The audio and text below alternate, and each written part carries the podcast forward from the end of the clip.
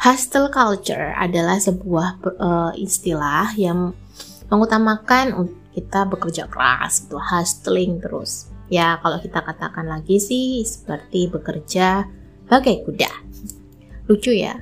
Memang sih sebenarnya kita tuh harusnya kerja keras, apalagi kalau impian yang kita punya belum tercapai. Akan tetapi, harga yang harus kita bayar kalau misalnya kita bekerja sangat-sangat keras dan hanya fokus pada pekerjaan sampai lupa istirahat, lupa untuk punya quality time dengan orang-orang terdekat, maka ya itu tadi mental health bisa terganggu. Saya mengomentari salah satu uh, apa ya statement dari seorang influencer yang menurut saya komentar saya juga sangat harmless gitu ya, sangat tidak ini sangat tidak mendiskreditkan.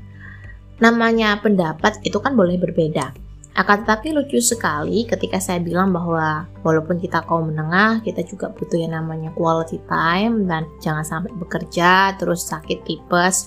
Ada orang-orang yang membalas komentar saya dengan pikiran yang menurut saya uh, tidak menghargai perbedaan pendapat. Jadi mereka bilang bahwa namanya kaya itu subjektif. Ada juga yang bilang bahwa itu sangat tidak mungkin atau nggak rasional, tergantung dari perusahaannya. Ya, memang.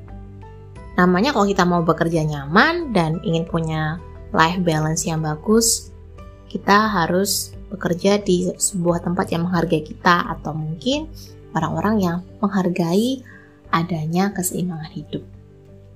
Namun, saya ingin berkaca kembali dan flashback dalam kehidupan keluarga saya sendiri.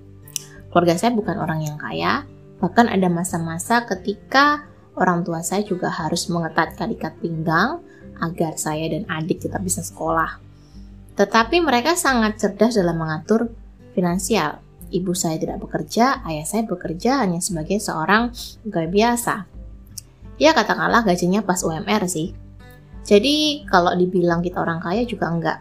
Tetapi kita punya cara. Sesekali Papa dan mama saya mengajak kami untuk piknik tanpa harus mengeluarkan uang yang besar dengan kendaraan kantor, lalu kita makan di sebuah tempat yang mungkin di perbukitan atau semacamnya. Kadang beberapa bulan sekali kita juga bisa nonton bioskop bersama. Jadi tidak setiap bulan kami makan mewah, tidak setiap bulan pula kita piknik. Malah setelah saya bekerja, frekuensinya lebih sering karena saya ingin sekali memberikan experience yang saya alami waktu kecil kepada keluarga saya. Selama ini uh, sehingga saat ini saya masih belum punya keluarga sendiri. Jadi why not gitu ya kalau ingin membahagiakan ayah, ibu dan adik saya. Jadi kalau di, dikatakan kita itu harusnya bekerja keras karena kita belum kaya, itu adalah sebuah mindset yang keliru itu adalah mindset yang membahayakan diri kita sendiri. Namanya quality time itu nggak harus kita punya duit kan. Walaupun gaji kita masih di bawah UMR, kita harus hustling, punya side hustle banyak, harus punya pekerjaan sambilan yang pecipun. Tetapi kan kita butuh istirahat, kita juga butuh untuk update uh, waktu dan juga komunikasi dengan keluarga. Siapa pun itu pasti butuh life balance bukan berarti kita butuh duit banyak buat liburan, buat hura-hura atau hangout. Jadi kalau pemikirannya kita harus kaya dulu supaya bisa hidup seimbang, itu adalah pemikirannya, mohon maaf, bodoh. Harga untuk bisa berobat kalau kita sakit sampai asam lambungnya parah, atau mungkin mental health-nya terganggu hingga butuh obat sekian banyak itu tidak murah. Percuma uang kita banyak, tetapi hubungan kita dengan keluarga atau orang terdekat itu hancur, kemudian kita juga tidak punya waktu untuk membahagiakan diri sendiri. It's okay to get rest.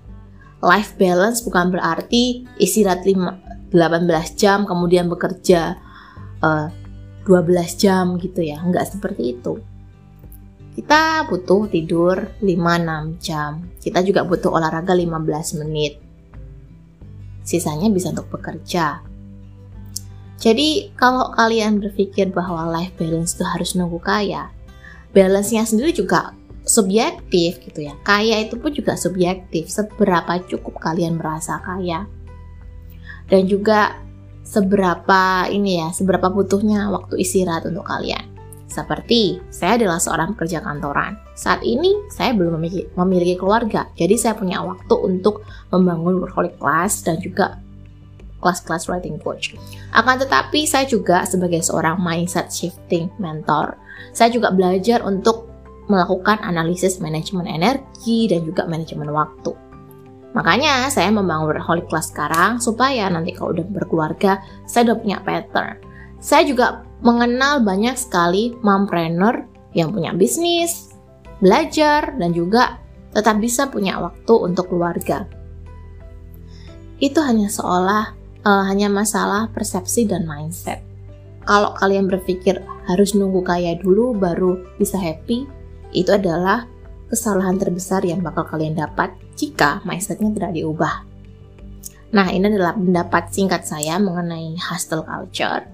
Semoga ini bermanfaat buat kalian. Kalian kalau mau tanya soal produktivitas dan manajemen waktu, ada di podcast-podcast saya ini. Cek aja ke konten saya yang lama-lama, kalian pasti akan memahami apa yang saya maksud. Soal manajemen energi, soal waktu, dan lain-lain. Semoga teman-teman juga tidak memiliki mindset keliru. Kerja keras itu wajib. Tapi kalian juga harus tahu bahwa tubuh dan keluarga kalian juga butuh dicintai. Sampai jumpa di podcast Kata Revi berikutnya.